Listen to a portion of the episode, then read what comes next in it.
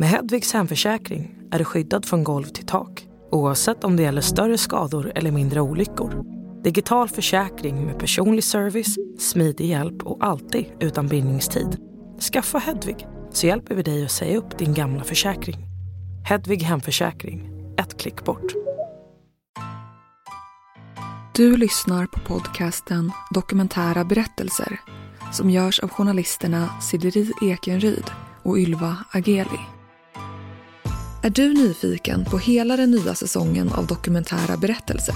Då kan du gå in redan nu på Podplay, helt gratis, och lyssna på alla tio avsnitt av säsong 5. I den här säsongen så kommer du få höra flera olika livsöden. Det handlar bland annat om hur det är att leva med sexmissbruk, mormonerna, schizofreni och sömnparalys. Men det handlar också om ufon och om vårt medvetande överlever döden. Och såklart mycket, mycket mer. Gå in på Podplay och lyssna på hela säsongen redan idag. Helt gratis. Med nya digitala kommunikationskanaler kommer också nya typer av brott. Till exempel så ökade antalet anmälda fall av sexuellt ofredande mot vuxna med 5% från 2018 till 2019 enligt Brottsförebyggande rådet. Det här avsnittet ska därför handla om sexuellt ofredande på internet och hur det är att utsättas för så kallad hämndporr. Så när jag vaknar känns det som, men vad fasiken. Var det någon som var här när jag sov? Och så ringde jag och sa att ja, nu är jag vaken. Um, han var på jobbet då fortfarande. Så det var så konstigt. Men var du hem idag? Ja, jag var hemma och kollade. Så att du låg där själv och sov. Vi har pratat med Sofie som delar med sig av sin berättelse. Och så öppnar jag den igen.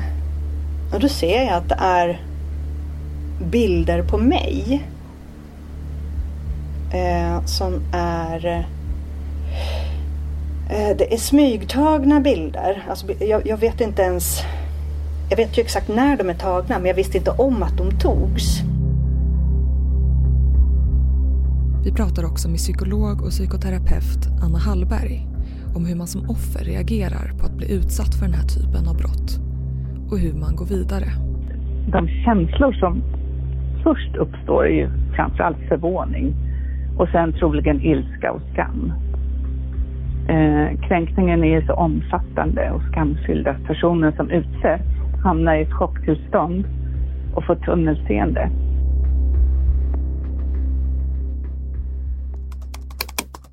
Året är 2005 och Sofie är 27 år gammal.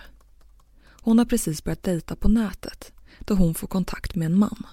Så det var en dejtingsajt och jag var eh, väldigt nyseparerad ska jag säga. Jag hade lämnat ett väldigt långt eh, förhållande. Jag hade eh, nästan ja, jag vuxit upp med, med den, eh, mitt ex, tidigare ex då. då. Eh, vi, eh, vi växte ifrån varandra helt enkelt. Jag träffades när jag var väldigt, väldigt ung, 16-17 år. Och, eh, så var jag då ute på någon dejtingsajt och det var sådär ja, men man kom in en, en frisk fläkt på något sätt för att distrahera en ifrån en separation på något sätt. Hon kommer allt närmare mannen hon träffat på nätet. Under ett halvårs tid lär de känna varandra utan att träffas. De mejlar och pratar i telefon. Men vi eh, var väl båda två eh, lite sådär restriktiva mot varandra från första början eftersom det ändå var nätet. Och eh, jag tror det tog eh, nästan ett halvår av mejlande, chattande, pratande innan vi faktiskt träffades rent fysiskt. Eh, men då hade vi ändå avhandlat väldigt mycket saker. Även fast man inte hade träffats rent fysiskt. Man eh, hade skärmen som ett litet skydd. Eh, klart man kunde dra till med lite grann vad som helst men eh, den, den tanken hade ju jag flera gånger. Så här, är det här något eh, skitprat bara eller är det men bara aktiviteter som man kanske har gjort. Man delar lite sådana här pinsamheter som man kanske inte riktigt eh, pratar på första dejten med någon om. Det är ju, kan ju ibland vara svårt att säga eh, pinsamma saker som man själv tycker att man har gjort eller eh, sagt till någon. Äh, utan det är faktiskt lättare att, att liksom avhandla bakom en skärm. Man kan vara mer öppen för den personen ser ju inte. Det är alltid svårt att fronta någon öga mot öga oavsett egentligen vad det gäller. Ehm, men i skydd av en skärm eller i skydd av en chattkanal så på något konstigt vänster så kan man ju vara väldigt öppen. Och det var det jag tror ibland hände då. Att man kommer varandra väldigt nära fast på cyberväg. Och han var ju då väldigt eh, tvärtom jämfört med mitt förhållande som jag då hade, höll på att separera ifrån. Så det var en frisk fläkt som kommer in och det var tjo och kim och jättekul och allt. Det var mycket skratt och precis sånt som man behöver när man går igenom svåra saker och det är, det är tufft med en separation.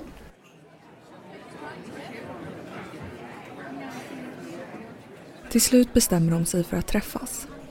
Sofie är på en restaurang och äter födelsedagsmiddag med en kompis. Och efter middagen ska hon möta upp den man hon pratat med så mycket de senaste sex månaderna.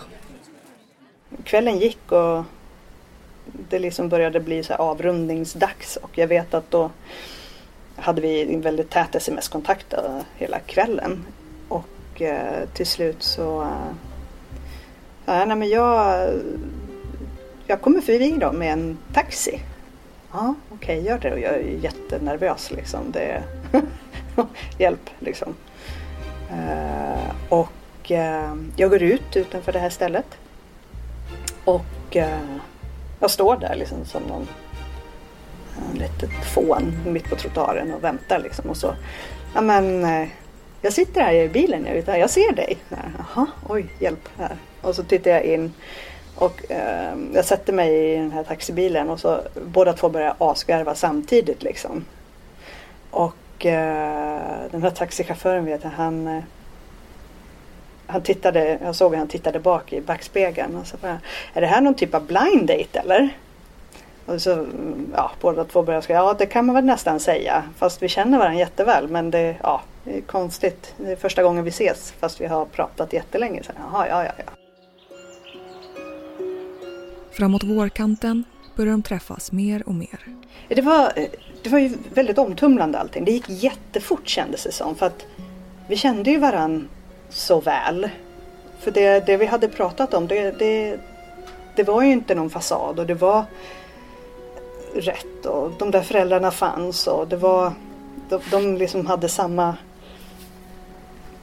Eh, bakgrund som han hade beskrivit liksom. Så det var ju var ingen fasad utan det var den här riktiga människan.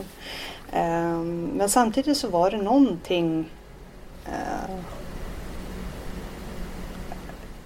Nyhetens behag absolut och det var så totalt annorlunda från mitt tidigare förhållande och det var omtumlande, det var roligt, det var mycket skratt, det var mycket upptåg och sådana saker. Men någonstans där i så det känd, var lite sådär osäkerhet någonstans också på att det är det här. Ska det vara så här? det var mycket eh, så här subtilt ifrågasättande. Eh, från att ena sekunden vara så um, ja, men man, var, man var så uh, jordad och man var så ordentlig och du var så, man var så bra som person till att eh, ja, sådana här eh, jobbigare saker som man kanske hade delat med sig om att eh, det, det var tuffa saker i ens uppväxt och sånt där. Då kunde det vända sig mot en att nu, jag var ju skadad på grund utav det och det var ju, ja, din osäkerhet kommer ifrån det här och sånt där. Ja, sådana saker som man... Jag hade väl inte tänkt på det på det sättet men när man får höra sådana saker mer eller mindre så här, lite insmyget här och där. Att man, jag har en fallenhet för att vara... Du är ju jättesvartsjuk. Och så till slut så blir det ju att, ja men då är jag väl det då. Fast jag nog inte var det. Um, eller du, du litar ju inte på dem därför att Eh, du tidigare har blivit behandlad illa i relationer och sånt där. Vilket det var sådana där små saker som det, det klickade liksom aldrig ihop. Jag, jag, fick aldrig ihop det och det, det var eh, kändes lite skevt sådär sådana påståenden. För att jag visste ju så väl att det var inte så. Men om man då får höra sånt hela tiden så känns det ju helt plötsligt som att jo, men jag är nog eh, jätteosäker eller jag, jag kan nog inte de här sakerna och så. Um. Små varningssignaler dyker upp allt oftare. En dag ska hon låna hans lägenhet. Och fick sova där för att det var närmare eh, från det stället jag hade jobbat på än att åka hem till mig.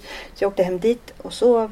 Eh, och han eh, var iväg och jobbade på dagen. Och det vill säga, när man ligger och eh, sover fast man ändå inte är vaken. Och sen när jag väl vaknar då efter jag hade sovit, sovit på dagen för det första är jättekonstigt. Man sover oroligt och sådär efter ett nattpass. Och så när jag vaknar känns det som, men vad fasiken. Var det någon som var här när jag sov? Och så ringde jag och sa att ja, nu är jag vaken. Eh, han var på jobbet då fortfarande. Så det var så konstigt. Men var du hem idag? Ja, jag var hemma och kollade. Så att du låg där själv och sov. Så jag bara va? Klart, så, klart, klart jag ligger själv. Men vad menar du själv?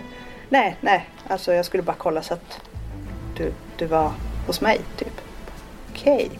Tror alltså att jag har någon i hans lägenhet.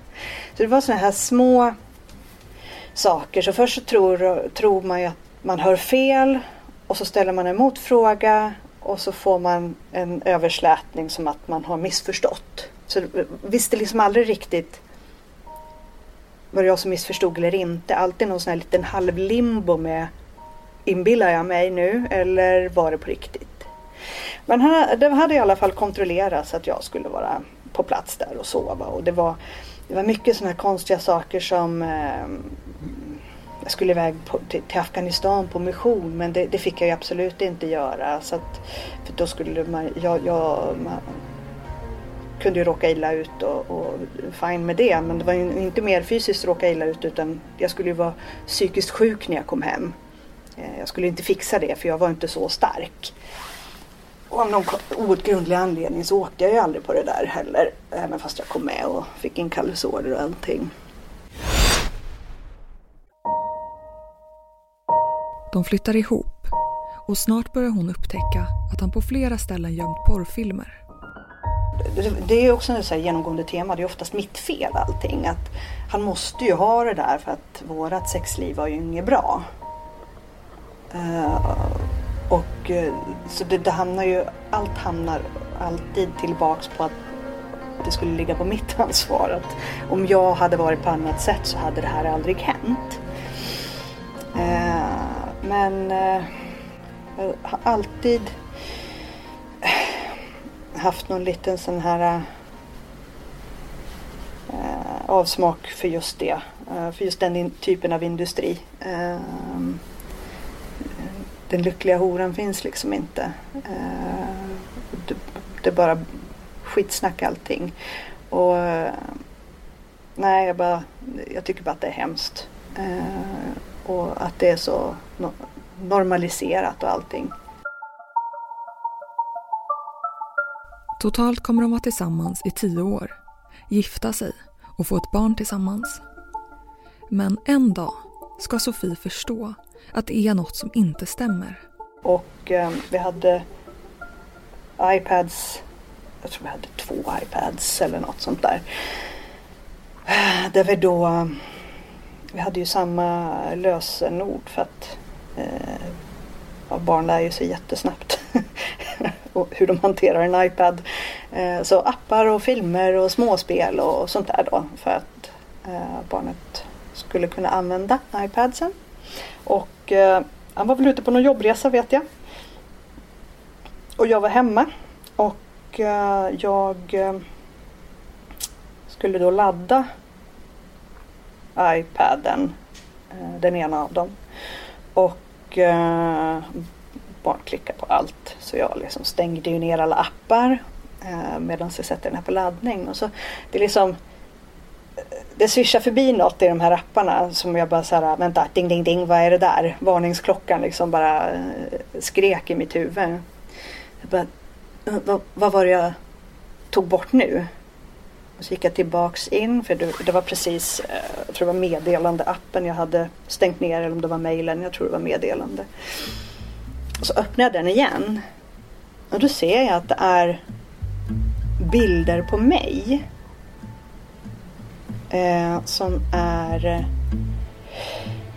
eh, Det är smygtagna bilder. Alltså, jag, jag, vet inte ens Jag vet ju exakt när de är tagna men jag visste inte om att de togs. Eh, och då, det, jag var på jobbresa när de här bilderna togs. För de togs under ett Facetime-samtal. Så att han har alltså suttit och tagit skärmdumpar under Facetime-samtal på mig utan att jag vet om det. Alltså vi har ett normalt, en normal konversation och pratar. Eh, enda som är lite udda är väl kanske att jag då jag tar det här Facetime-samtalet medan jag duschar för att jag skulle iväg på eh, en jobbmiddag. Så jag, först pratar jag med barn eh, och säger hej och hå och sen så fortsätter han och jag och pratar och jag hoppar in i duschen. Under tiden då sitter han och tar skärmdumpar på mig när jag då duschar. Eh, och de här bilderna som han då, som jag då ser i iPaden är eh, de här skärmdumparna. Då har han ju då täckt över ansiktet med typ någon sån här eh, stjärna eller någon symbol av något slag. Men skrivit dit lite sköna eh, kommentarer då. Um, um, she's my motherfucking milf. Eller um, uh, det kuken hon vill ha. Hur påverkas man psykiskt av att bli fotograferad och utlämnad utan sin vetskap? Vi hör Anna Hallberg, psykolog och psykoterapeut. De känslor som först uppstår är ju framförallt förvåning och sen troligen ilska och skam. Eh, kränkningen är så omfattande och skamfylld att personen som utsätts hamnar i ett chocktillstånd och får tunnelseende. Uh, och liksom bara där, uh, för det första, uh, om du vill ha bilder då på, vi var ju gifta då vid det här laget. Vill du ha bilder på din fru så fråga om det då. då. Det, frågan är fri liksom. Men smygta inte bilder på mig. För det andra, varför täcker du över ansiktet om du nu vill ha bilder på mig? Och varför skriver du dit de där sakerna som att jag vore någon sak? Alltså en ägodel. Troligen så tvivlar man också på att det är sant, eh, det man har fått höra eller fått se. Ehm, och kanske att den här personen förminskar och förnekar att skadan är så omfattande som den faktiskt kan vara på nätet. Sofie misstänker att de bilder på sig själv som hon precis hittat inte bara ligger sparade i iPaden. Hon känner på sig att de är delade med andra. Kände jag bara direkt så här, det där är inte för husbehov. Alls. För då hade du gjort nummer ett, då hade du frågat och inte gjort något mer. Du hade inte smygtagit, du hade inte modifierat bilderna på något sätt. Um, jag eh, blir vansinnig känner jag. Sådär arg, jätte jätte arg. Förbannad och allt på en gång. Men eh, ja, jag var ju ensam hemma liksom eh, med barn och det här var väl ungefär mitt i veckan. Jag tänkte så här, det här är ingen diskussion jag tänker ta på telefon. Alls. Så jag väntar ju tills han kommer hem och så ja, tar jag ju det med honom då. Till en början förnekar han allting och säger att bilderna varit för privat bruk. Men sen ändrar han sig och förklarar att han har använt bilderna för att skapa en fejkad profil i syfte att komma i kontakt med en annan man som han tror att Sofie varit otrogen med. Vilket också bara var lite så här, men varför frågar du inte bara mig? Eller skriv till den personen direkt. Alltså, det är inte så svårt. Du behöver inte skapa något alias för att ta reda på saker. Och just där och då när han säger att jag tänkte att jag skulle skapa en profil.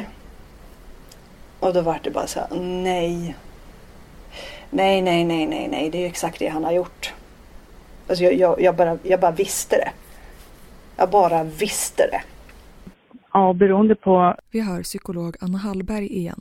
person så kan man antingen bli så arg att man polisanmäler eh, och ställer gärningsmannen mot väggen och berättar för alla som man känner tillit till, som man litar på. Ehm, eller så blir man helt passiv av skammen och den enorma kontrollförlust som man drabbas av. Det känner man troligen även i det första fallet när man blir arg. Ehm, och vi tror ju att i båda fallen så lider personen psykiskt.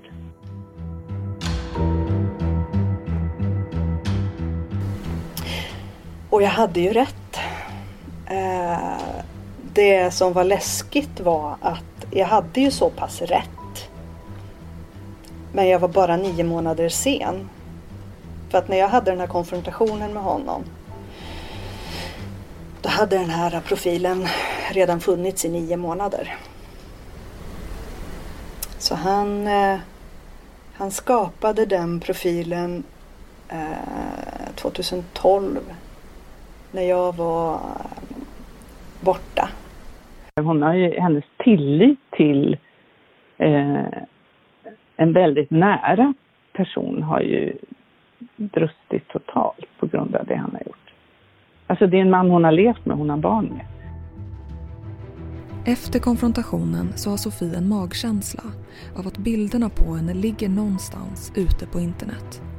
Hon försöker hitta, men lyckas inte. Och långsamt övertalas hon att ändå stanna i relationen.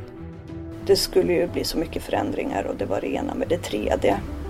Eh, och eh, det må väl vara fint så men eh, det var väl mest bara ord. Det hände ju inte så mycket. Det var, ja, det var mycket. Eh, livet gick ju vidare så att säga. Eh, så att jag höll ju ihop i två år till. Eh, innan jag faktiskt eh, lämnade eller sa att jag ville skiljas.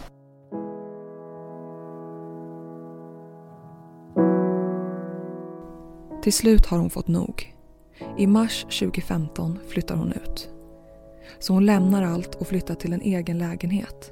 Och så småningom börjar hon titta runt på nätdejtingsajter igen. Och hade väl liksom egentligen ingen plan med det för att jag kunde ju aldrig träffa någon i alla fall. jag var så här, ja ja. eh, prata kan vi alltid göra men träffas det, det funkar liksom inte. Ja, men prata kan vi göra. Så var det en där som profil som var samma sak där. Jag fick, jag, det var någonting skevt med den. Jag fick inte ihop det. Profilbilden stämde inte med presentationen och sättet den här eh, profilen, eh, skrivspråket var så fruktansvärt bekant liksom. Så det här är något skumt. Så fortsatte prata med den här profilen och började väl lägga ihop ett och ett helt enkelt och fattade väl till slut det här är ju, det här är ju mitt ex. Men det här användarnamnet, eh, jag, vet, jag pratade med en massa vänner och, och, om det här också och det här användarnamnet var det någon då som föreslog att men har du inte googlat det då? Och se om det finns någon annanstans, alltså på andra datingappar eller andra sajter och sånt där. Nej, så det har jag faktiskt inte gjort. Jag kanske ska göra det då? Ja, det kanske jag ska göra, sa jag. Och eh, gjorde det. Och bara någon av de här översta träffarna på Google där så hamnade jag ju på en profil som hette samma som användarnamnet på just då den här porrsajten X-hamster. Det är nu 2016 och hon sitter på sin jobbdator men bestämmer sig för att klicka in sig på sajten ändå. Eftersom hon inte är medlem kan hon inte se allt innehåll på sidan. Men hon ser att profilen har flera fotoalbum med både bilder och videos. Och merparten av dessa album är då namngivna till fru eller exfru. Och då liksom gick ju ridån ner lite grann. Tänkte jag hade ju rätt alla dessa år. Den här konfrontationen som jag gjorde 2013 bara liksom kom rakt i ansiktet två år senare. Liksom. Att smack, du hade rätt. Tänk om, alltså det är ju lite grann att någon har kapat hennes kropp. Eh, när det finns kontokapningar, eh, ja då finns det ju lagar och regler om, du vet, pengar. Eh, eller de som blir kapade på sina personnummer, de får vi läsa om i tidningarna hela tiden. Det är ju jättehemskt. Ehm, eller lagfarter, när folk stjäl folks hus, så att säga. Ehm, då finns det lagar och regler, antar jag. Medan det här med kroppen är ju annorlunda. Ofta är det ju kvinnor som råkar ut för det här. Även män, men oftast kvinnor. Eftersom jag inte såg någonting så mycket så kunde jag, jag kunde ju inte med tusen procent säkerhet säga att det är han. Eh, och på det kände jag att jag kan inte göra så mycket just nu. Jag kan bara följa den här utvecklingen och se vad som händer. Så jag höll väl koll på den här sidan och på den här profilen på sidan. Eh, jag, eh, jag checkade väl säkert in dagligen. Det vart ju som ett litet... Jag måste ju kolla dagligen för att se vad, vad har hänt. Så. Och poff en dag så ett av de här albumen eh, var inte låsta längre utan det var offentligt. Eh, och det var ett bild, bildalbum. Så när jag väl öppnade det där så var det så bara Tada! Där var jag. Ehm, um, och så att det här är inte sant. Inte sant. Um, och så ännu värre blev det ju när jag väl tittade på när bilderna eller albumet hade uppdaterats. Och då hade det gått 15 timmar när jag då upptäcker den här eh, offentliga albumet. Så 15 timmar hade det legat liksom olåst så att säga. Och så tittar man på lilla räkneverket där nere så var det nästan 30 000 gånger som det här albumet hade öppnats på de här 15 timmarna. Och eh, ja, bara... Och då, då pratar vi bara att öppnat albumet och då ser du ju alla bilder. Några har vi ju tagit i, i samförstånd under tiden vi var tillsammans. Men det, som sagt, det var vår grej, inte allmänhetens grej. Det är liksom inte allmänhetens åkning vi pratar här utan det här är en sak mellan i ett, ett parförhållande. Eh, och eh, jag... Eh, ja, det, det, eh, det gjorde ju ont kan jag ju säga rakt av. Att det, det är så fruktansvärt respektlöst att eh, eh, ta bilder på det sättet och bara vräka ut för allmän beskådan. Det är liksom... Det, finaste man delar med en annan människa är ju den här intimiteten. Och den ska ju få vara eh, mellan de människor som det sker och inte inför andras ögon. I det här läget bestämmer sig Sofie för att göra en polisanmälan ett par dagar senare blir hon kontaktad av polisen. Telefonen ringer.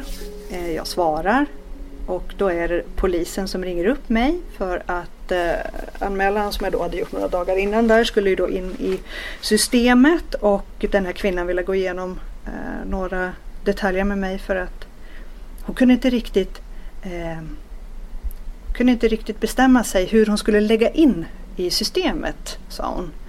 För eh, det var så luddigt och det här är så svårt och eh, det är sällan det här eh, ens blir någonting så åklagaren kanske kommer lägga ner det här på en gång. Fick jag höra. Och jag bara kände så här, jag stod där och lyssnade på när hon stod och säger det här. Att här har jag hjälp. Här har jag gått och liksom stressat och inte sovit på två dygn för att jag är så nervös över att jag har gjort en anmälan på faktiskt eh, min före detta man och mitt barns far. Eh, och så får jag höra att ja, men det här är ju bara, det här blir ändå ingenting. Eh, jag kan tycka att det är fel av poliser att sända ut det budskapet när man ska gå och polisanmäla någonting. Så att då känns det ju nästan som att ja, men det är inte lönt. Och jag delar faktiskt inte den uppfattningen. Det här är advokat Caroline Brännström vid Vega advokatbyrå. Det är jätteviktigt att man alltid stöttar den som kommer och vill polisanmäla. Och får man till sig när man polisanmäler att det här kommer säkert läggas ner eller det här är jättesvårt att utreda, då tycker jag att man ska prata med någon annan. I nästa avsnitt hör vi ifall Sofies ärende gick hela vägen till rättegång eller inte. Och samtidigt som jag var helt utmattad och bara kände så här.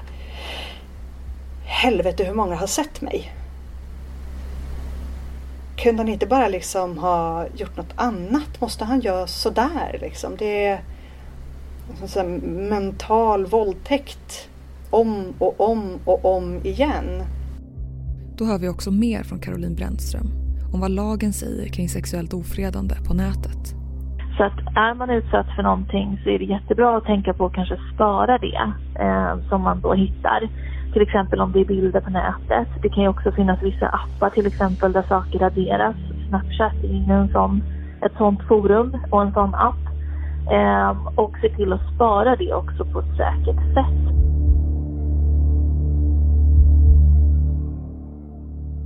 Du har lyssnat på del 1 av Min man la ut mig på en porrsajt. Vill du komma i kontakt med oss som producerar den här podden? Eller vill du dela med dig av din historia? Mejla till kunskapsstudion gmail.com.